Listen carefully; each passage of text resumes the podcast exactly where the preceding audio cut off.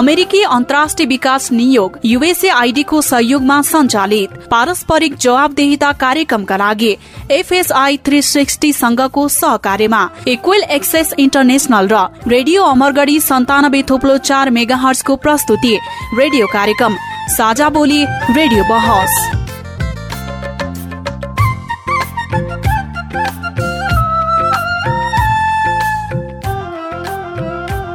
नमस्कार साझा बोली रेडियो बहसमा तपाईँलाई स्वागत छ। म लोकेन्द्र ओझा साझा बोली रेडियो बहसमा हामी नागरिक समाज आम सञ्चार माध्यम र सार्वजनिक निकाय बीचको पारस्परिक जवाबदेहिता र आपसी दिगो सम्बन्धका विषयमा बहस गर्छौँ। पारस्परिक जवाबदेहिताका क्षेत्रीय सवाल र परिवेश समेटेर तयार पारेको साझा बोली रेडियो बहसको यो स्थानीय संस्करण हो। आजको साझा बोली रेडियो बहस डडेलधुरामा रहेको रेडियो अमरगढी एफएम सन्तानब्बे थुप्लो चार मेगा हजले उत्पादन गरेको छ। यो कार्यक्रम डोटी जिल्लामा रहेको त्रिवेणी एफएम चौरानब्बे दशमलव चार मेगा हर्स असाम जिल्लामा रहेको रेडियो जनप्रिय एक सय दुई दशमलव नौ मेगा हर्स र बैतडी जिल्लामा रहेको रेडियो निङ्ला सैनी एफएम चौरानब्बे मेगा हर्सबाट पनि सुन्न सकिन्छ। जवाबदेहिताको राष्ट्रिय सवालमा नीति र कार्यान्वयनको समन्वय गर्ने साझा बोली रेडियो बहसको केन्द्रीय संस्करण इक्वेल एक्सेस इन्टरनेसनलले काठमाडौँमा उत्पादन गर्छ। साझा बोलीका दुवै संस्करणहरू तपाईँले हरेक हप्ता एकै समयमा सुन्न सक्नुहुन्छ। साझा बोली रेडियो बहसको यस सत्रको यो स्थानीय संस्करणको आज दशौं भाग हो। झन्डै चार वर्ष अघिदेखि प्रसारण भइरहेको साझा बोली यस वर्ष रेडियो बहसका रूपमा उत्पादन तथा प्रसारण भइरहेको छ। साझा बोली रेडियो बहसको आजको भागमा हामी बाढी पहिरोको व्यवस्थापन सम्बन्धमा बहस गर्दैछौँ। भूगोलको अवस्था हेर्दा जोखिमपूर्ण भूगोल हुनसक्छ तर त्यो एउटा बस्तीमा सडक लैजानै पर्नेछ। भने त्यो कुराहरूलाई हामीले बरु पूर्व अध्ययन गर्ने कुराहरू त्यसलाई अलिकति केही समय ढिलो निर्माण गर्ने अथवा निर्माणकै क्रममा पनि त्यसलाई अलिकति व्यवस्थित गरेर लैजाने प्रोटेक्सन गर्ने कुराहरू पूर्वाधारसँगै निर्माण गर्दै लैजाने कुरा नै अलिक महत्त्वपूर्ण हुन्छ। बाढी पहिरोले यस सुदूरपश्चिम प्रदेशमा हरेक वर्ष क्षति गर्दै आएको छ। नदी किनारका नागरिकहरूमा मनसुन सुरु भएसँगै बाढी घर गोठमै आउने चिन्ता बढ्छ। अव्यवस्थित रूपमा खनिएका सडकहरूले नाङ्गा डाँडाहरू हिलाम्मे देखिन्छन्।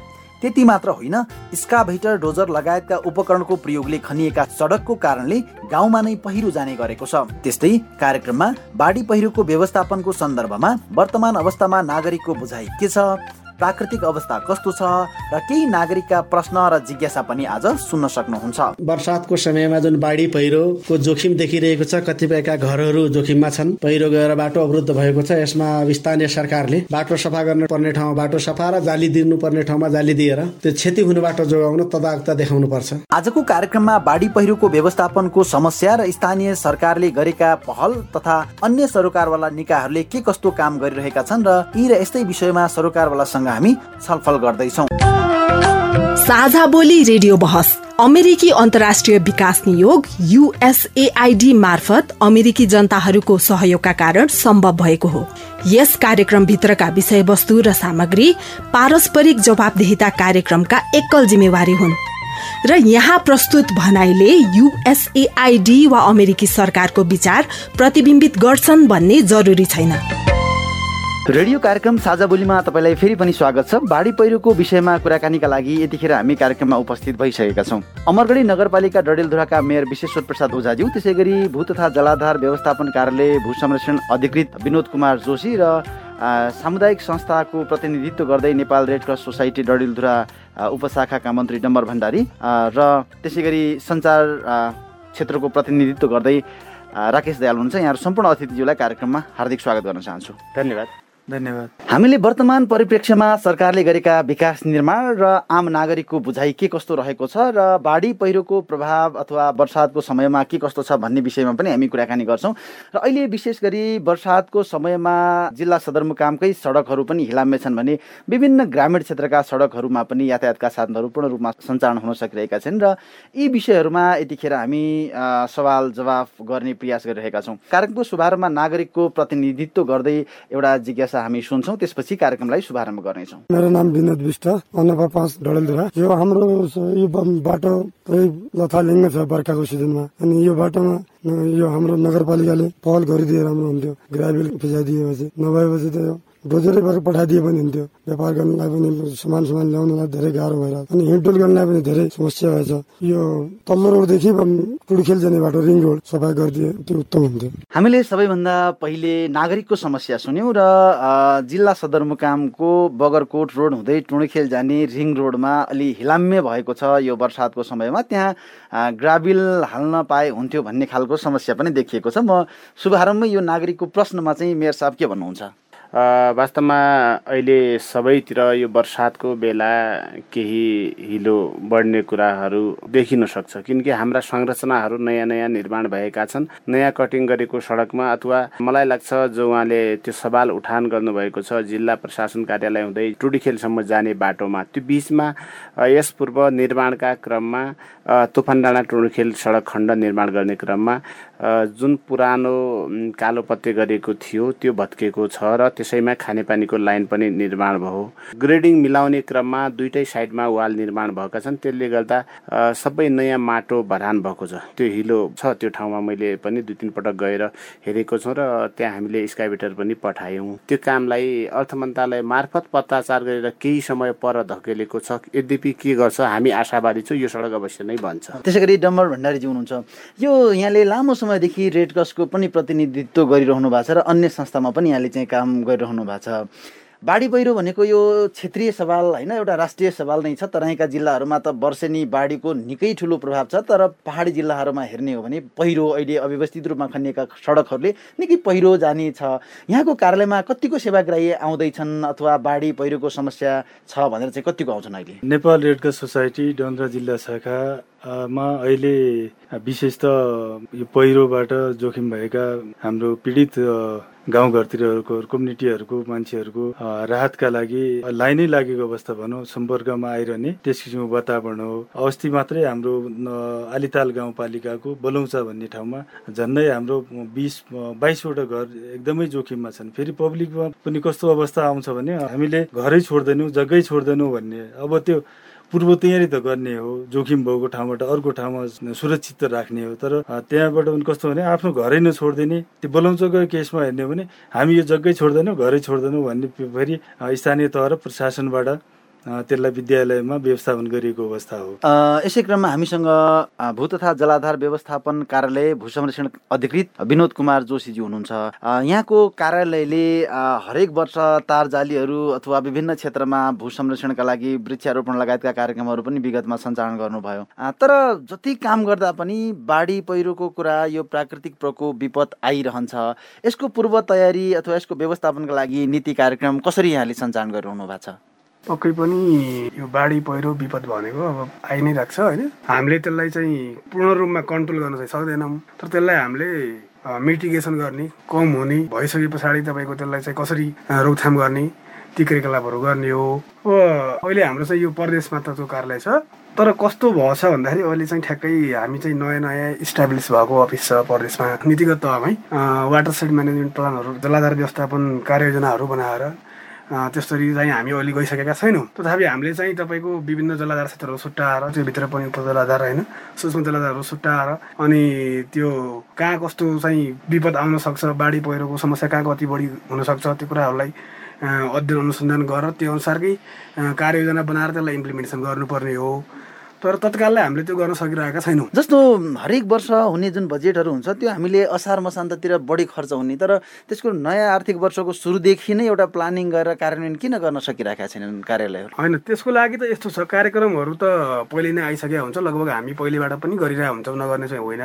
कतिपय कामहरू चाहिँ के हुन्छ भने काम गर्दा गर्दै अन्तिमतिर मात्रै सकिने भएकोले भुक्तानी ढिलो मात्रै हुने हो होइन? त्यस्तो सबै कामहरू असाढमै आएर मात्रै गर्ने भन्ने त हुँदैन। केही केही कामहरू चाहिँ त्यस्तो पनि भएको हुन्छ। त्यसै गरी राकेश दयालजी हुनुहुन्छ। अब बाढी पहिरो लगायतका कुराहरू भूक्ष नियन्त्रण गर्नका लागि आम सञ्चार माध्यमको असाध्यै ठुलो भूमिका रहन्छ। यहाँ आफैमा पनि निकै लामो समयदेखि सञ्चार माध्यममा कार्यरत हुनुहुन्छ। यहाँहरूको भूमिका के छ? किन सञ्चार माध्यमले पनि आम नागरिकलाई सचेत बनाउन सकिरहेका छैन? सरकारी कार्यालयले गरेन स्थानीय सरकारले गरेन भन्ने व्यापक गुनासो छ। तर आम सञ्चार माध्यमको पनि त आफ्नो दायित्व छ जिम्मेवारी छ। किन हुन सकिरहेका छैन? अब यो कस्तो भने हामीले काम गर्दै जाँदाखेरि सञ्चार क्षेत्रमा हामीले सबैभन्दा महत्त्वपूर्ण कुरा के उठाउँछौँ भने हरेक ठाउँमा समस्या आउँछ। यो प्राकृतिक प्रकोपको कुरा गर्ने हो भने हरेक क्षेत्रमा प्राकृतिक प्रकोप आउँछ। बाढी पहिरो लगायतका समस्या। हामी हरेक मिडियाहरूमा अथवा भनौँ सञ्चार माध्यममा चाहिँ हामीले नागरिकको लागि चाहिँ सूचना सन्देशहरू प्रसारण गर्छौँ र सम्बन्धित निकायलाई हामीले सञ्चार माध्यममै ल्याएर उहाँहरूको नागरिकको समस्या कस्तो छ? हरेक ठाउँहरूमा चाहिँ प्राकृतिक प्रकोपको समस्या कस्तो छ? बाढी पहिरोको समस्या कस्तो छ? त्यसलाई नियन्त्रण गर्नका लागि चाहिँ सम्बन्धित निकायले अथवा स्थानीय सरकारले अथवा प्रदेश सरकारले अथवा केन्द्र सरकारले के गर्दैछ र अन्य निकायले चाहिँ के गर्दैछ भन्ने विषयमा र यथाशक्य छिटो चाहिँ समाधान गर्ने प्रयास चाहिँ हाम्रो त्यो सञ्चार माध्यमबाट घचघच्याउने काम हुन्छ। हाम्रो सञ्चार माध्यमको महत्त्व भनेको चाहिँ र आवश्यकता भनेको कहाँनिर हुन्छ भने जब प्राकृतिक प्रकोप आउँछ र यो ठाउँमा यस्तो प्राकृतिक प्रकोप छ र यसलाई समाधान गर्नका लागि सम्बन्धित निकायको जस्तो स्थानीय सरकारमा थुप्रै बजेट हुन्छ त्यो बजेट चाहिँ वर्षौँ वर्ष करोडौँको हिसाबमा चाहिँ फ्रिज भइराखेको अवस्था छ। त्यसलाई सदुपयोग गर्नका लागि त्यो फ्रिज हुने बजेटलाई त्यहाँ कन्भर्ट गरेर पनि त त्यो बाढी पहिरो नियन्त्रण गर्न सकिन्छ। लगायतका विषयलाई हामी समेटेर चाहिँ स्थानीय सरकार अथवा अन्य सम्बन्धित निकायलाई चाहिँ हामी घचघच्याउने प्रयास गर्छौँ। म मेयर साहब यहाँतिर आएँ तपाईँ नगरपालिकाको विपद व्यवस्थापन समितिको प्रमुखको रूपमा पनि हुनुहुन्छ र जिल्ला विपद व्यवस्थापन समितिमा पनि आफू आबद्ध हुनुहुन्छ। राकेशजीले भने जस्तो हामीले विपद व्यवस्थापनकै फन्डहरू चाहिँ राख्ने भोलि जस्तो खालकै समस्या भए पनि त्यहाँ स्थानीय सरकारले सहजै डोनेसन गर्न सक्ने सहयोग गर्न सक्ने अवस्था रहन्छ कि रहँदैन नीति कार्यक्रमले कसरी समेटिरहेको छ यसलाई? यो कुराहरूमा हाम्रा संरचनाहरूको प्रभाव संरचनाहरू कसरी अगाडि जान सकेका छन् त्यो नै महत्त्वपूर्ण कुरा हो। हामी कहाँ सहकार्यको संस्कृतिको निकै अभाव छ। जस्तै सशर्तका कार्यक्रमहरू हुन्छन् त्यो कार्यक्रम परिवर्तन गर्न सकिने अवस्थामा रहँदैन। हामीसँग नियमित बजेटले मलाई लाग्छ सामान्यतया सानातिना विकास निर्माणका कामहरू मात्रै सम्बोधन गर्न सकिने अवस्था हुन्छ अरू सम्भवै छैन। किनकि हाम्रो आन्तरिक आय वार्षिक एक करोडको हाराहारीमा छ र प्रदेश सरकार सङ्घ सरकार मार्फत यद्यपि हामीले अमरगढीमा थुप्रै विकास निर्माणका कामहरू अगाडि बढाएका छौँ। त्यो कामहरू निरन्तर अगाडि गएका छन्। शीर्षक बाइज जाने क्रममा कहिलेकाहीँ हामीले चाहना राख्दा राख्दै पनि त्यो कुराहरू सम्बोधन गर्न नसकिने अवस्थाहरू हुन्छ जस्तो मेयर साहब यो कार्यक्रम हाम्रो सुदूरपश्चिम प्रदेशका अन्य जिल्लाका रेडियोहरूमा पनि बज्छ र सुदूरपश्चिम प्रदेशका अन्य स्थानीय तहको प्रतिनिधित्व गर्दै हामी तपाईँसँग संवाद गरिरहेका छौँ। स्थानीय सरकारले आफ्नो कार्यक्षेत्रभित्र अथवा निर्वाचन क्षेत्रभित्र अथवा आफ्नो पालिका वा नगरपालिका गाउँपालिकाभित्र उच्च जोखिम त यहाँले गाउँपालिकाको नगरपालिकाको प्रोफाइल निर्माण गर्नुहुन्छ। त्यहाँ पनि उच्च जोखिम भौगोलिक अवस्थाको बारेमा अध्ययन गर्नुहुन्छ होला। त्यो अध्ययनलाई टेकेर कतिको नीति बनाउनुहुन्छ? कसरी कार्यान्वयन गर्नुहुन्छ? यो नागरिकको गुनासो के आउँछ भने विभिन्न खालका प्रोफाइलहरू बन्छन् तर त्यो प्रोफाइलहरू बनिसकेपछि त्यो बिचमा चाहिँ जसरी काम गर्नु पर्थ्यो त्यो हुँदैन भन्ने नागरिकहरूको गुनासो रहन्छ। अधिकांश विकास निर्माणका पूर्वाधारहरू नागरिकको आवश्यकता अनुसार नागरिकको माग अनुसार नै अगाडि बढ्ने हो। त्यो हुँदै जाने क्रममा त्यहाँको वस्तुस्थिति धेरै कुराहरू अध्ययन गरिएको हुन्छ। यद्यपि नागरिकहरूले पनि त्यहाँको भू बनावट इत्यादि कुराहरूलाई मध्यनजर गरी विकासका आवश्यकताहरू धेरै छन् साधन स्रोत थोरै छ थोरै स्रोत साधनबाट अधिकतम आवश्यकताको परिपूर्ति गर्न केही कठिनाई छ। सम्भावित जोखिमका विषयमा पूर्व अध्ययन गर्ने कुराहरू कहिलेकाहीँ हामीले चाहँदा चाहँदै पनि अब नियन्त्रण गर्न सकिने कुराहरूमा वास्तवमा यो प्रजातन्त्र पुनस्थापनापछि राज्य कता कता कमजोर भएको हो भन्ने पनि देखिन्छ। किनकि अलिकति अराजकता अलिकति उदण्डता पनि भएको देखिन्छ। यसले गर्दा जुन ढङ्गले सोचेका अथवा प्लानिङ गरेका कुराहरू। अथवा कानुन छ यो कानुन कार्यान्वयन गर्न केही कठिनाइहरू त देखिएका पनि छन्।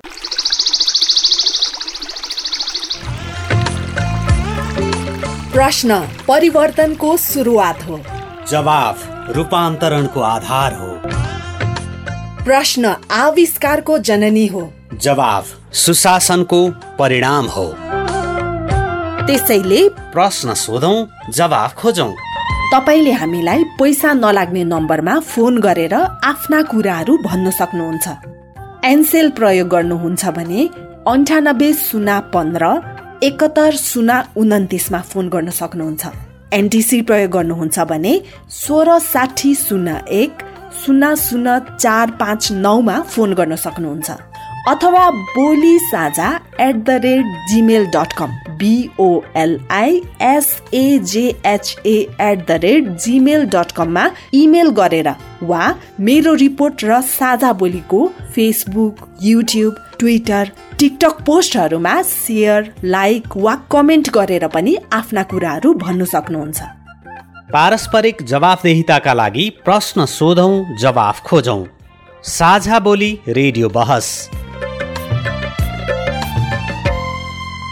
तपाईँ अहिले पारस्परिक जवाबदेहिता प्रवर्धनका लागि साझा बोली रेडियो बहस सुन्दै हुनुहुन्छ र हामी कुराकानी गरिरहेका छौँ। बाढी पहिरोको व्यवस्थापन कसरी गर्न सकिन्छ भन्ने विषयमा छलफल गरिरहेका छौँ। यति बेला हाम्रो स्टुडियोमा कुराकानीको क्रममा अमरगढी नगरपालिका डडेलधुराका मेयर विश्वेश्वर प्रसाद ओझाज्यू त्यसै गरी भू तथा जलाधार व्यवस्थापन कार्यालयका भू संरक्षण अधिकृत विनोद कुमार जोशीज्यू त्यसै गरी Nepal red cross society Dadeldhura शाखाका मन्त्री डम्बर भण्डारीज्यू र आम सञ्चार माध्यमको प्रतिनिधित्व गर्दै सञ्चारकर्मी राकेश दयालज्यू हुनुहुन्छ। हामी बाढी पहिरोको विषयमा संवाद गर्दैछौँ। साझा बोली रेडियो बहस अमरगढी एफएम डडेलधुरा त्यसै गरी डोटीमा रहेको त्रिवेणी एफएम अछाममा रहेको रेडियो जनप्रिय र बैतडीमा रहेको रेडियो निङ्ला सैनी एफएमबाट पनि यो कार्यक्रम यति बेला प्रत्यक्ष रूपमा प्रसारण भइरहेको छ। म डम्बर भण्डारीज्यूतिर आउँछु।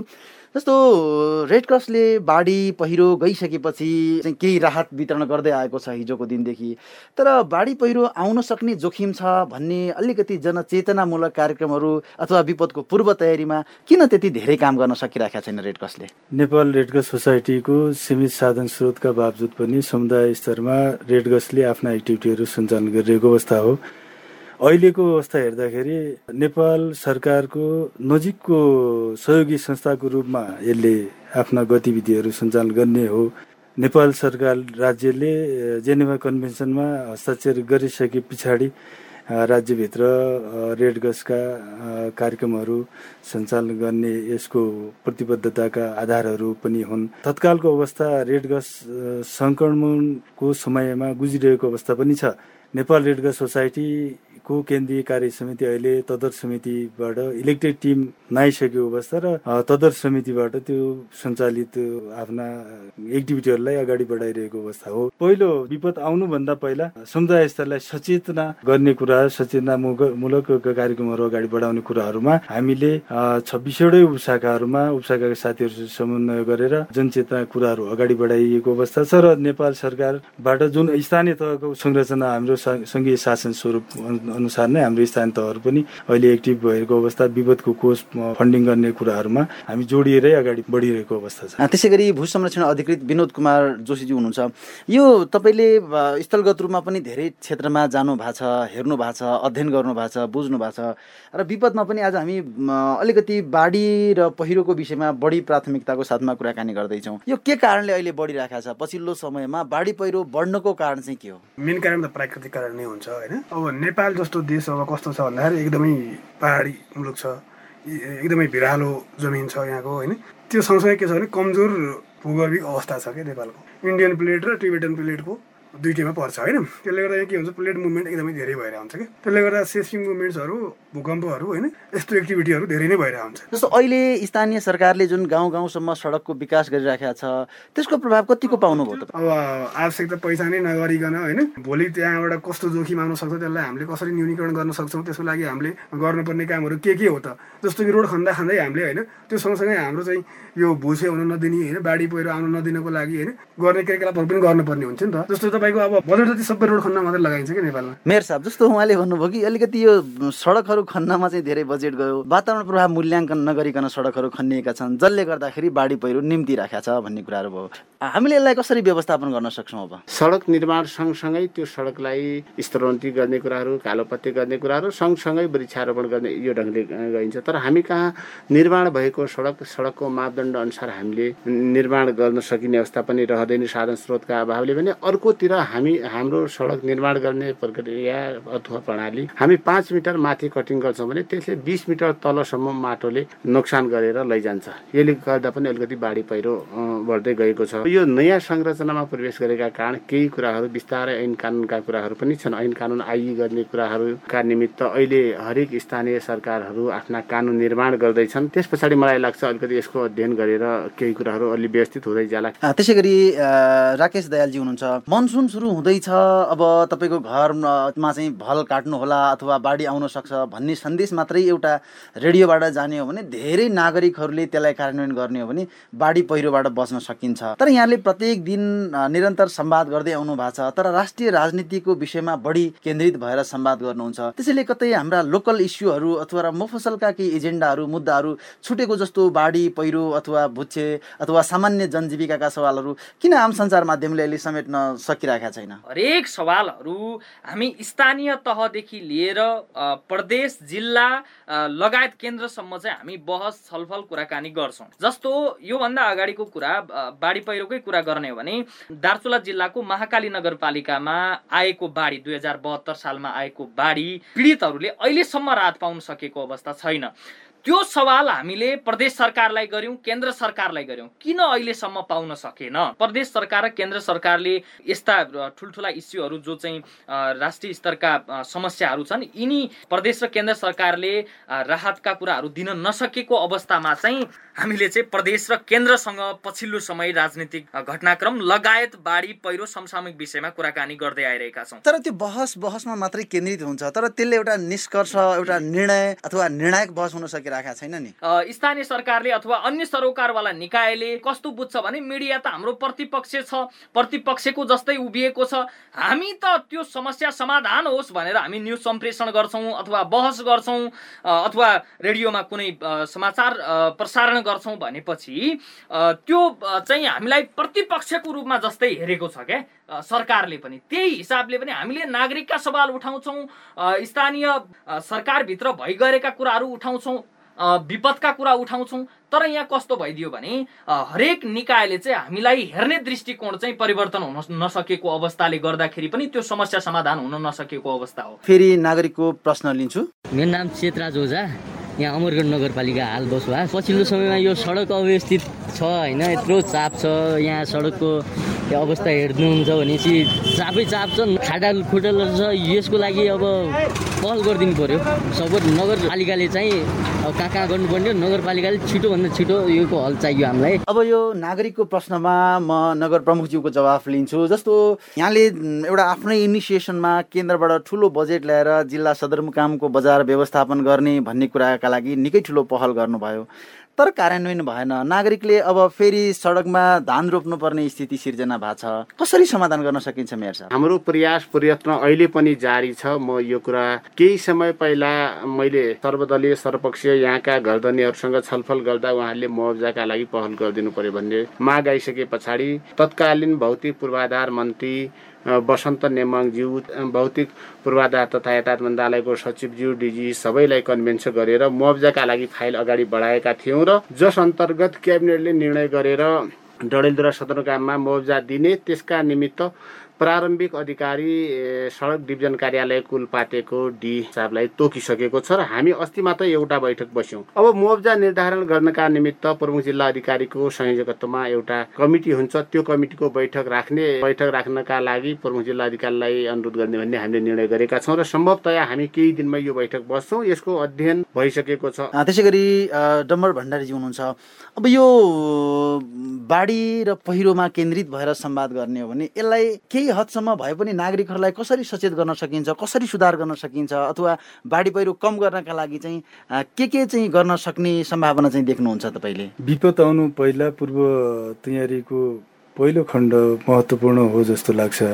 घर जोखिम ठाउँमा नबनाइदिने खोला किनारा बसोबास नगरिदिने जग्गा आफ्नो खन्जो गर्ने जग्गाहरू त्यो खोला नजिक भयो भने त्यसले क्षति नै गर्ने भयो। मेहनत गरेको उब्जनीलाई बगाएर लैजाने कुराहरू भए यी यस्ता कुराहरू कम्युनिटी लेभलमा गएर पूर्व चेतना फैलाउने कुराहरूमा रेड गस जहिले पनि प्रतिबद्ध छ। विशेष त यी सानसाना कार्यक्रमहरूलाई अगाडि बढाएर समुदाय स्तरलाई चेतनामूलक ढङ्गका कार्यक्रमहरू दिएर अलिकति विपदबाट बचाउनका लागि यसको पहिलो दायित्व निभाइरहेको अवस्था हो। जति दक्ष तालिम प्राप्त फर्स्ट एडको होस् क्याडिए ट्रेनिङको होस् डिडिआरडी ट्रेनिङ दिएकाहरू हो उहाँहरूलाई समुदाय स्तरमा पहिलो हाम्रो काम भनेको सरकार स्थानीय तहहरूसँग समन्वय गरेर चेतना दिने विपद आउने जोखिम भएको ठाउँमा अप्ठ्यारो हुने ठाउँमा बसोबास नगर्ने भनौँ न अब त्यही किसिमले सचेत रहने कुरा एउटा रह्यो।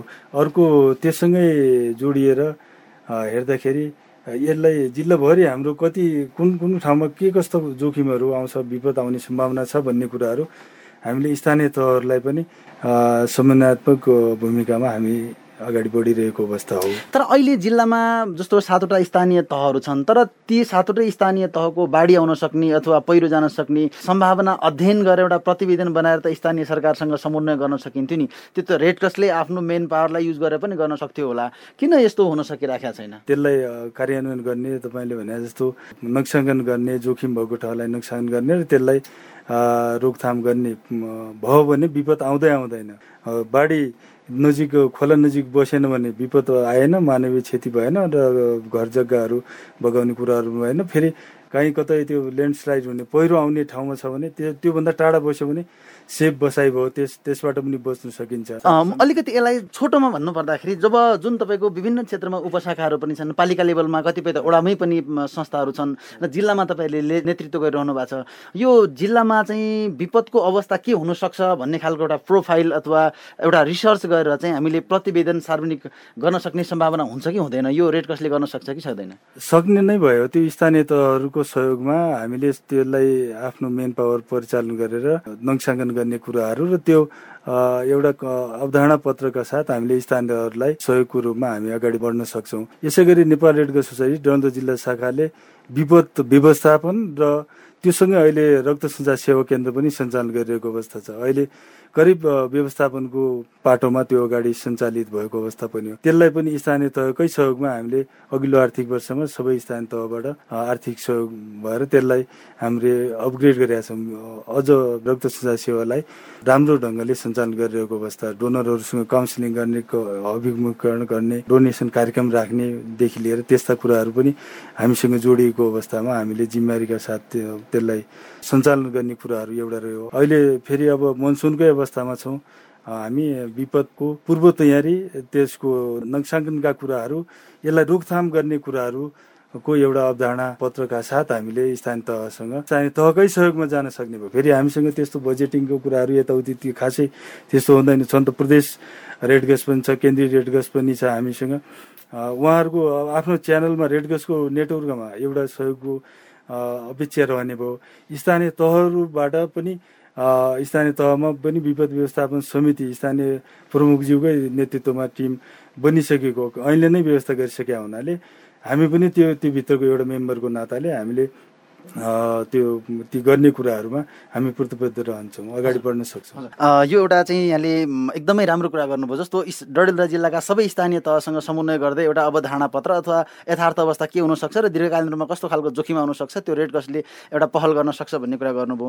मेयर साहब जस्तो उहाँले भने जस्तो यसको आवश्यकता कतिको महसुस भएको छ यहाँलाई? यहाँले त विभिन्न क्षेत्रमा काम गर्नुपर्ने भावनाले एउटा थिमेटिक क्षेत्र डिजास्टरकै क्षेत्रमा मात्रै पहल गर्न सक्ने स्थिति पनि नभए हुनाले यो एउटा अवधारणा पत्र रेड क्रस जस्तो संस्था अथवा सामुदायिक क्षेत्रबाट काम गर्ने संस्थाले जिल्लाभरकै एउटा नक्साङ्कन अथवा एउटा चाहिँ प्रोफाइल एउटा निर्माण गर्यो भने त्यसले भोलिको दिनमा स्थानीय सरकारलाई काम गर्न कतिको सजिलो हुन्छ? स्वाभाविक रूपमै जुनसुकै कामहरू गर्नु पर्दा पनि सबैभन्दा पहिला ऐन नियम त्यसका निमित्त आवश्यक अध्ययन हुनु जरुरी छ र त्यसको प्रोफाइल निर्माण हुनु जरुरी छ। यो भोलि काम गर्नका निमित्त पनि हामी कुन ठाउँमा कसरी जाने भन्ने कुराहरूका निमित्त एउटा ओए देखाउने चिज पनि हो। त्यो सँगसँगै अब मैले अगाडि पनि जोडेको थिएँ हाम्रा धेरै पूर्वाधारका कुराहरूले पनि यो जोखिम निम्त्याइरहेको छ वास्तवमा जहाँ विकास सँगसँगै विनाश पनि जोडिन्छ। त्यो गर्दा के हरेक कुराहरूका फ्याक्टरहरू सकारात्मक र नकारात्मक दुइटै हुन्छन्। यसले गर्दा सकेसम्म हामीले गर्ने कामहरूमा कम जोखिम हुने गरी कसरी जान सकिन्छ त्यो नै महत्त्वपूर्ण हो। किनकि भूगोलको अवस्था हेर्दा जोखिमपूर्ण भूगोल हुनसक्छ तर त्यो एउटा बस्तीमा सडक लैजानै पर्नेछ। भने त्यो कुराहरूलाई हामीले बरु पूर्व अध्ययन गर्ने कुराहरू त्यसलाई अलिकति केही समय ढिलो निर्माण गर्ने अथवा निर्माणकै क्रममा पनि त्यसलाई अलिकति व्यवस्थित गरेर लैजाने प्रोटेक्सन गर्ने कुराहरू पूर्वाधारसँगै निर्माण गर्दै लैजाने कुरा नै अलिक महत्त्वपूर्ण हुन्छ। त्यसै गरी भू तथा जलाधार व्यवस्थापन कार्यालयका अधिकृत हुनुहुन्छ विनोद कुमार जोशीज्यू। यहाँले काम गरिरहँदाखेरि फिल्डमा जाँदाखेरि स्थलगत रूपमा हेर्दाखेरि के कारणले बढी चाहिँ त्यस्तो समस्या देखिरहेको छ र अब यसको एउटा प्रोफाइल निर्माण गर्न जिल्लाभरिकै एउटा चाहिँ यथार्थ अवस्था के छ र भोलिको दिनमा आउन सक्ने सम्भावना सम्भावित जोखिमहरूको बारेमा एउटा दस्तावेज बन्न कतिको सान्दर्भिक यहाँले महसुस गर्नुभएको छ? पक्कै पनि जिल्लामा कहाँ के कति बाढी पहिरो आउन सक्छ या विपद आउन सक्छ त्यसको प्रोफाइलिङ बनाउन एकदमै आवश्यक छ। हामीले अब फिल्डमा काम गर्दै जाँदाखेरि चाहिँ कतिपय अब धेरै जसो ठाउँमा अहिले चाहिँ के देखिया छ भन्दाखेरि रोड खनेको छ। रोड खन्दाखेरि के हुन्छ? नयाँ माटो आउँछ। नयाँ माटो आउँदाखेरि के हुन्छ? पानी पर्दाखेरि त्यो बग्छ। त्यो बगेपछि के हुन्छ? खोलामा पानीसँगै माटो पनि आउने भयो नि त ढुङ्गाहरू पनि आउने भयो डेब्रिसहरू आउने भयो। त्यसले गर्दा त्यसको सतह बढ्छ क्या। अनि त्यसले गर्दा दायाँ बायाँ खेतहरू पनि पुर्ने अनि मान्छेको त्यो पानीसँग बग्ने जुन पानीको बहावको फोर्स हुन्छ त्यो पनि बढी हुने भएकोले कटान पनि धेरै गर्ने। त्यो दुइटै समस्याहरू देखिरहेको त्यसले गर्दाखेरि बाढी र पहिरो दुइटै सँगसँगै आइरहेको। तपाईँको कार्यालयबाट जुन तपाईँले विभिन्न क्षेत्रमा तटबन्धको कुराहरू अथवा जालीको कुराहरू अथवा वृक्षारोपणका लगायतका अन्य विभिन्न जुन कामहरू गरिरहनु भएको छ कस्तो क्षेत्रमा यहाँले बढी काम गर्नुहुन्छ? कस्तो क्षेत्रमा बढी बाढी पहिरो गइराखेका पाउनु भएको छ यहाँले हजुर पक्कै पनि हामीले चाहिँ अब नदी नियन्त्रण खोला किनार होइन अनि तपाईँको त्यो नयाँ फर्मेसन भइरहेको गल्छीहरू टाइपको होइन त्यहाँतिर बढी कामहरू भइरहेको हुन्छ हाम्रोबाट। अनि त्यस्तै पानी मुहान संरक्षणको होइन पानी मुहान संरक्षण पोखरी निर्माण होइन सिँचाइ कुलोहरू संरक्षण गर्ने। यस्ता यस्ता कामहरू हामीले गरिरहेको हुन्छौँ। हजुर। जस्तो रेड क्रसले भोलि एउटा प्रोफाइल निर्माण गर्नुपर्ने भयो भने यहाँको संस्थाले कसरी सपोर्ट गर्न सक्नुहुन्छ? अथवा यहाँले यहाँको भूमिका के रहन्छ त्यो प्रोफाइल जिल्लाकै एउटा प्रोफाइल निर्माणको सन्दर्भमा? पक्कै पनि हाम्रो कार्यालयको खास स्थापनाको उद्देश्य भनेकै के हो भन्दाखेरि जलाधार व्यवस्थापन गर्ने हो। जलाधार व्यवस्थापन गर्नलाई हामीले चाहिँ एकीकृत रूपमा हेर्नुपर्ने हुन्छ। एउटा छुट्टै रूपमा आइसोलेटेड रूपमा हामीले अहिले जसरी एउटा भूषणको मात्रै काम गरिरहेछौँ अर्थात् कृषिको मात्रै काम गरिरहेछौँ सिँचाइको मात्रै काम गरिरहेछौँ त्यसरी भन्दा पनि एउटा जलाधारले समेट्ने सम्पूर्ण चिजहरू जस्तो तपाईँको जनावर जङ्गल होइन त्यो भित्रको जमिन जनता सबै कुराहरूलाई समेटेर एउटा निश्चित जलाधार क्षेत्र छुट्याएर त्योभित्र पनि अझै पहिला चाहिँ जलाधार व्यवस्थापन कार्यालय बनाउने त्योभित्र पनि छुट अझै छुट्याएर त्योभन्दा म भित्र गएर उपजलाधारहरू हुन्छ त्योभन्दा अलिक सानो जलाधार क्षेत्रहरू होइन? अनि त्योभित्र पनि सूक्ष्म जलाधार क्षेत्र भन्छ क्या? अनि तिनीहरू सबैलाई क्याटेगोराइज गरेर त्यो अनुसारको चाहिँ तपाईँको प्लानहरू प्रत्येकको अलग अलगै प्लान बनाएर अनि त्यो तपाईँको चाहिँ त्यसलाई एनालाइसिस गर्ने। कुन चाहिँ बढी हामीलाई कता चाहिँ कुन चाहिँ जलाधार क्षेत्रमा बढी जोखिम छ होइन? त्यो गरेर चाहिँ गर्नुपर्ने हो तर त्यो हामीले चाहिँ कस्तो छ भन्दाखेरि अफिस पनि चारवटा जिल्ला हेर्ने एउटा अफिस छ कि अब यो नयाँ संगठन आहा सङ्ख्या त घर घरमा के अरे गाउँ गाउँमा सिक्दा भन्दै यहाँ चाहिँ चार जिल्ला एउटा अफिसले हेर्नु परिरहेको छ। कर्मचारी पदपूर्ति भयो छैन अझै। थुप्रै कर्मचारीहरू खाली छ। त्यसले गर्दाखेरि हामीले त्यसरी काम गर्न सकिरहेको अवस्था छैन अहिले। होलिस्टिक एप्रोचमा गएर एकीकृत जलाधार व्यवस्थापन कामहरू हामीले गर्न सकेका छैनौँ। खालि अहिले हामीले गरिरहेको भनेको के भन्दाखेरि भूषणको काम मात्रै गरिरहेछौँ।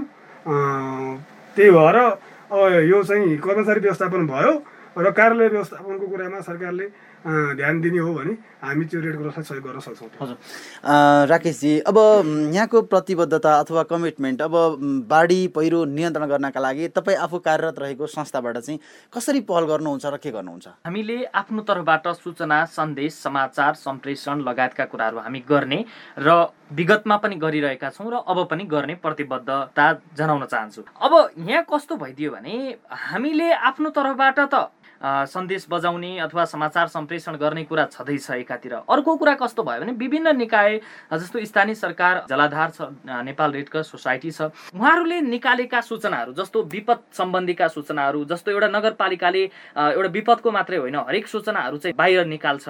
र त्यो निकाल्दाखेरि चाहिँ त्यो एउटा सूचना पार्टीमा मात्रै सीमित रह्यो क्या धेरै कुराहरू। यो कस्तो भने मिडियासम्म पुग्न सकेको अवस्था छैन। नागरिकले जस्तो हामीले आफ्नो तर्फबाट सम्प्रेषण अथवा सन्देश प्रसारण गरे पनि आधिकारिक रूपमा सम्बन्धित निकायले निकालेको सूचना चाहिँ नागरिकसम्म पुग्न नसकेको अवस्था छ। त्यो एउटा कार्यालयको सूचना पार्टीमै सीमित रहेको अवस्था छ। यसले गर्दा पनि कस्तो छ भने पछिल्लो समय नागरिकले पाउनुपर्ने सूचना पाइराखेको अवस्था छैन।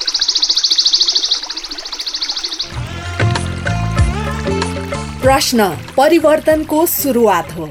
जवाफ रूपान्तरणको आधार हो। प्रश्न आविष्कारको जननी हो। जवाफ सुशासनको परिणाम हो। त्यसैले प्रश्न सोधौं जवाफ खोजौं। तपाईँले हामीलाई पैसा नलाग्ने नम्बरमा फोन गरेर आफ्ना कुराहरू भन्न सक्नुहुन्छ। एनसेल प्रयोग गर्नुहुन्छ भने अन्ठानब्बे शून्य पन्ध्र एकहत्तर शून्य उन्तिसमा फोन गर्न सक्नुहुन्छ। एनटिसी प्रयोग गर्नुहुन्छ भने सोह्र साठी शून्य एक शून्य शून्य चार पाँच नौमा फोन गर्न सक्नुहुन्छ। अथवा Boli Sajha at the rate gmail dot com BOLI SAJHA at the rate gmail dot कममा इमेल गरेर वा मेरो रिपोर्ट र साझा बोलीको फेसबुक युट्युब ट्विटर टिकटक पोस्टहरूमा सेयर लाइक वा कमेन्ट गरेर पनि आफ्ना कुराहरू भन्नु सक्नुहुन्छ। पारस्परिक जवाफदेहिताका लागि प्रश्न सोधौँ जवाफ खोजौँ। साझा बोली रेडियो बहस।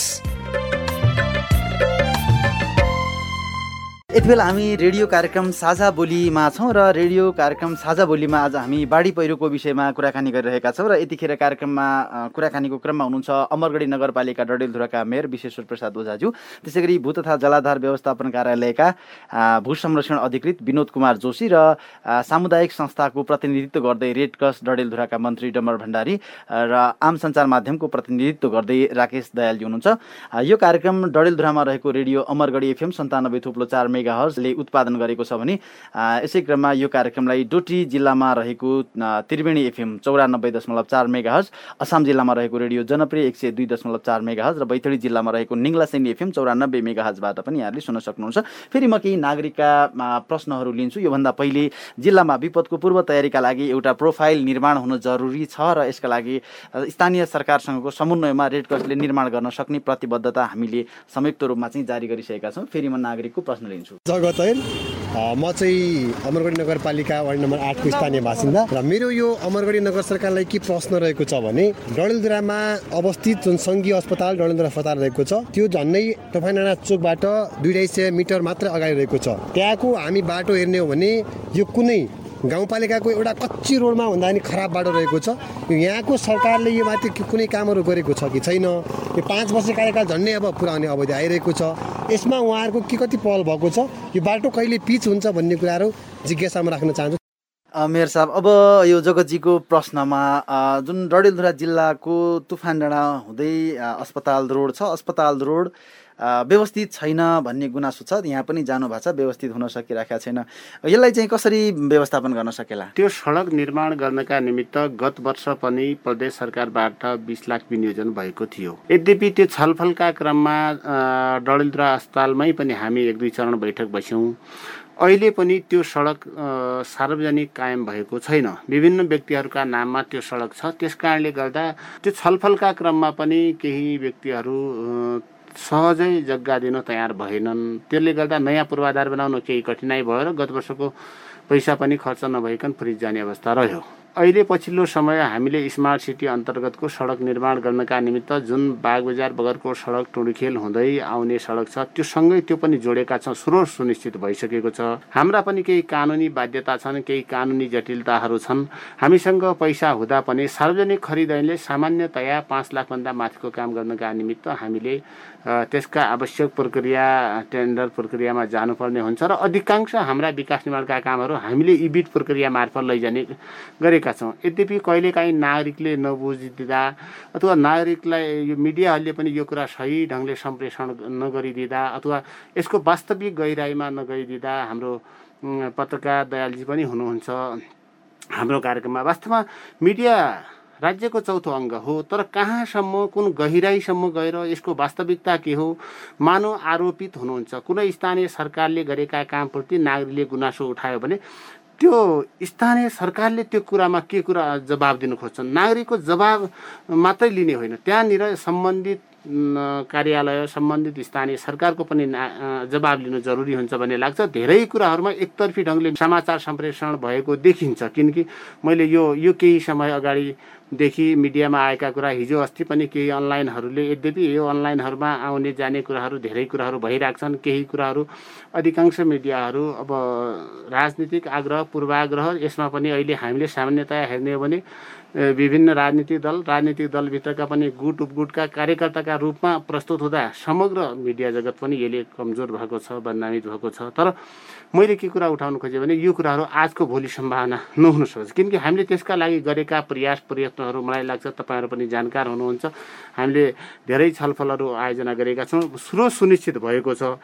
अब स्रोत सुनिश्चित भइसकेपछि मलाई लाग्छ धेरै हदसम्म सफलता प्राप्त भएको छ। अब यो कार्यान्वयनमा जाने बेला त्यहाँका नागरिकको सबैको आवश्यकता पनि हो सबैले महसुस गर्नु पनि पर्छ। हामी कार्यक्रमको निकै अन्ततिर आइपुगेका छौँ र अन्तिम श्रोताको केही सुझाव रहेको छ म यो सुझाव पनि सुन्छौँ। म टेकराज भनेर वर्षातको समयमा जुन बाढी पहिरोको जोखिम देखिरहेको छ कतिपयका घरहरू जोखिममा छन्। पहिरो गएर बाटो अवरुद्ध भएको छ यसमा स्थानीय सरकारले बाटो सफा गर्न पर्ने ठाउँमा बाटो सफा र जाली दिनुपर्ने ठाउँमा जाली दिएर त्यो क्षति हुनेबाट जोगाउन तदाकता देखाउनु पर्छ। अ, अन्तमा मेयर साहब जस्तो विनोद विष्टजीले पनि यो रिङ रोडको चाहिँ अलिकति हिलाम्य छ त्यहाँ अलिकति एक दुई ट्राली चाहिँ ग्राबिल हालिदियो भने त्यहाँ चाहिँ एकचोटि डोजर पठाइदियो भने पनि त्यहाँ सहज हुन्थ्यो भन्ने प्रश्नमा अन्तमा चाहिँ कहिलेसम्म त्यो गर्न सकेला? हामीसँग प्राप्त स्रोत साधनको अधिकतम उपयोग हामी गरिरहेका छौँ र कुनै ठाउँमा हाम्रो नजर नपुगेको हुनसक्छ अथवा कहीँनिर म पुग्न नसकेको अथवा कार्यालयको टिम पुग्न नसकेको नागरिकको गुनासो नआइसकेका कारणले पनि कहिलेकाहीँ काममा अलिकति ढिला सुस्ती हुनु गएको हुनसक्छ। त्यसले गर्दा जुन त्यो बाटोमा हिलो भएको कुराहरू आयो त्यसका विषयमा हामी यस पूर्व पनि त्यस ठाउँमा पटक पटक मैले नै म आफै फिल्डमा पुगेको छु डोजर पठाएको छु अथवा टिप्पर मार्फत पनि त्यहाँ केही अब कङ्क्रिटहरू हाल्ने काम गरेका छौँ। अझ त्यो हेरेर त्यसलाई व्यवस्थित गर्ने कुराहरूमा लाग्छौँ। अन्तमा डम्बर भण्डारीज्यू जस्तो यहाँले भन्नुभयो मेयर साहबले पनि त्यो आवश्यकता छ प्रोफाइल निर्माण गर्न भन्नुभयो भू तथा जलाधारको सरले पनि यसको लागि हामीसँग भएको मेन पावर रिसोर्सको के कति सकिन्छ हामी बनाऊ भन्ने छ। यसको सुरुवात चाहिँ कसरी गर्न सकिन्छ र अन्य क्षेत्रमा यहाँले कसरी पहल गर्नुहुन्छ? आफ्नो प्रतिबद्धता व्यक्त गरिदिनुहोस् न। स्थानीय तहहरूसँग समन्वय गरेर डलन्द्र जिल्लाको विपदको सेक्टरलाई हेरेर विपद कहाँ कुन ढङ्गले को जोखिम छ त्यसको नोक्सान गर्ने त्यसको एउटा अवधारणा पत्र तयार गर्ने कुराहरू हामी सातवटै स्थानीयहरूका प्रमुखज्यूहरूसँग बसेर समन्वय गरेर त्यसलाई तयार पार्ने प्रतिबद्धता व्यक्त धन्यवाद छ। अन्तमा राकेशजी अब यहाँले काम गरिरहेको संस्था अथवा रेडियोबाट यो विपदको मुद्दालाई कसरी चाहिँ यहाँले म्याक्सिमम समय दिनुहुन्छ अथवा विपद व्यवस्थापनका लागि यहाँले चाहिँ के गर्नुहुन्छ यहाँको प्रतिबद्धता? हाम्रो तर्फबाट गर्नुपर्ने समाचार सम्प्रेषण लगायतका कुराहरू मिडियाबाट गर्नुपर्ने जति पनि हरेक नागरिकका सवाल आवश्यकता र स्थानीय सरकारले अन्य निकायले गरेको काम कारवाहीको विषयमा हामी उठान गर्नेछौँ सत्य तथ्य ल्याउने काम चाहिँ हामी बाहिर ल्याउनेछौँ र त्यो काम हामी गर्नेछौँ र त्यो हाम्रो संस्थाबाट हामीले त्यो काम चाहिँ विपदको लागि होस् अथवा अन्य कुराका लागि होस् हामी पक्कै पनि गर्ने प्रतिबद्धता जाहेर गर्छौँ। धन्यवाद छ त्यसै गरी विनोद सर हुनुहुन्छ। अन्तमा यहाँको संस्थाले आगामी दिनमा जुन बाढी पहिरो भुचिएको क्षेत्रमा यहाँले काम गरिरहनु भएको छ यसको सुधार गर्नका लागि रेड क्रस जस्तो संस्थाले जुन एउटा नयाँ प्रोफाइल निर्माण गर्नुपर्छ र त्यसपछि कार्यान्वयन गर्नका लागि पनि सजिलो हुन्छ भन्ने छ। यसमा यहाँले कसरी पहल गर्नुहुन्छ के सहयोग गर्नुहुन्छ? यो जुन हामीले गर्दै आइरहेको जुन काम सिस्टम छ त्यसलाई अलिकति परिवर्तन गर्न पनि जरुरी छ। त्यसको लागि हामीले अब नीतिगत तहमा हाम्रो मन्त्रालयको विभागको गोष्ठीहरूमा हामीले त्यसलाई चाहिँ विषय उठाएर यसरी जानुपर्छ है। हामीले चाहिँ अब एकीकृत जलाधार व्यवस्थापन योजना बनाएर त्यसरी चाहिँ अगाडि बढ्नुपर्छ भनेर चाहिँ मेरो व्यक्तिगत पहल पनि रहन्छ। सबभन्दा पहिला चाहिँ कार्ययोजना बनाएर प्लान बनाएर योजना बनाएर त्यो अनुसार जाउँ भनेर हामीले पनि लबिङ गरिरहेका छौँ। हस् आजका लागि कार्यक्रम साझा बोलीको निर्धारित समय पनि सकिएको छ। आजको साझा बोलीमा जिल्लामा विपदको एउटा प्रोफाइल निर्माण गर्नका लागि सम्बन्धित निकायसँग नेपाल रेड क्रसले पहल गर्ने प्रतिबद्धता व्यक्त भएको छ। त्यसै गरी स्थानीय सरकार अमरगढी नगरपालिकाले डडेलधुरा जिल्लाको रिङ रोडमा भएको बाढीको प्रभाव जुन छ त्यहाँ यसका भेटर अथवा डोजर तत्कालै पठाएर त्यहाँ व्यवस्थापन गर्न सकिने प्रतिबद्धता व्यक्त भएको छ भने आम सञ्चार माध्यमको क्षेत्रबाट विपदमा उच्च प्राथमिकता प्राथमिकता दिँदै आम सञ्चार माध्यमले अथवा रेडियोबाट समाचारहरू सूचनाहरू सन्देशहरू र नियमित कार्यक्रमहरूमा पनि समय उपलब्ध गराउँदै जनचेतना अभिवृद्धि गर्ने निष्कर्ष आएको छ। यो कार्यक्रममा सहभागी भइदिनु भएकोमा यहाँहरू सम्पूर्ण अतिथिज्यूलाई धेरै धेरै धन्यवाद छ। धन्यवाद। धन्यवाद। धन्यवाद। हामी साझा बोली रेडियो बहसको अन्तमा आइपुगेका छौँ।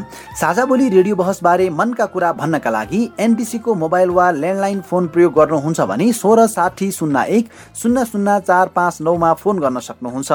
एनसेल प्रयोग गर्नुहुन्छ भने अन्ठानब्बे शून्य पन्ध्र एकहत्तर शून्य दुई नौमा फोन गर्नुहोला। यी नम्बरमा फोन गरेको पैसा लाग्दैन। र प्राप्त निर्देशन अनुसार प्रश्न सोध्न सकिन्छ। पारस्परिक जवाबदेहिता बारे आफूले देखे सुने या भोगेका कुरा लेख मार्फत व्यक्त गर्न चाहनुहुन्छ वा अरूका लेखहरू पढ्न चाहनुहुन्छ भने डब्लु डब्लु डब्लु डट मेरो रिपोर्ट डट नेटमा पनि लगइन गर्न सक्नुहुन्छ। साझा बोली रेडियो बहस तपाईँले मेरो रिपोर्ट वेबसाइट पडकास्ट च्यानल सामाजिक सञ्जाल र अमरगढी अनलाइन टिभीमा पनि सुन्न सक्नुहुन्छ। हवस् त आजको साझा बोली रेडियो बहसबाट विदा हुने बेला भइसकेको छ। आज हामीले बाढी पहिरो र यसको व्यवस्थापनको विषयमा कुराकानी गर्यौँ आजका हाम्रा अतिथि हुनुहुन्थ्यो अमरगढी नगरपालिका डडेलधुराका मेयर विश्वेश्वर प्रसाद ओझा भू तथा जलाधार व्यवस्थापन कार्यालयका भू संरक्षण अधिकृत Binod Kumar Joshi Nepal red cross society Dadeldhura शाखाका मन्त्री डम्बर भण्डारी र नागरिक समाजको प्रतिनिधित्व गर्दै सञ्चारकर्मी राकेश दयाल। आजको संवादमा अब आउँदा दिनमा जिल्लामा विपद तथा बाढी पहिरोको सम्भाव्यता अध्ययन गर्दै स्थानीय सरकारसँगको सहकार्यमा रेड क्रस डडेलधुरा शाखाले जिल्लाको प्रोफाइल निर्माण गर्ने नागरिकको गुनासोको सन्दर्भमा अमरगढी नगर क्षेत्रभित्र भएको हिलाम्य सडकको नगरपालिकाले डोजर लगाएर हिलो सफा गर्ने प्रतिबद्धता समेत व्यक्त गर्नु भएको छ। आशा छ यी प्रतिबद्धताहरू कार्यान्वयन हुनेछन्। यतिन्जेलसम्म ध्यान दिएर कार्यक्रम सुन्नु भएकोमा तपाईँलाई धन्यवाद। आगामी हप्ता पनि आजको जस्तै समसामयिक सार्वजनिक जवाबदेहिताको अर्को विषयमा खरो छलफल ल्याएर हामी आउने नै छौँ। सुन्न नबिर्सिनुहोला।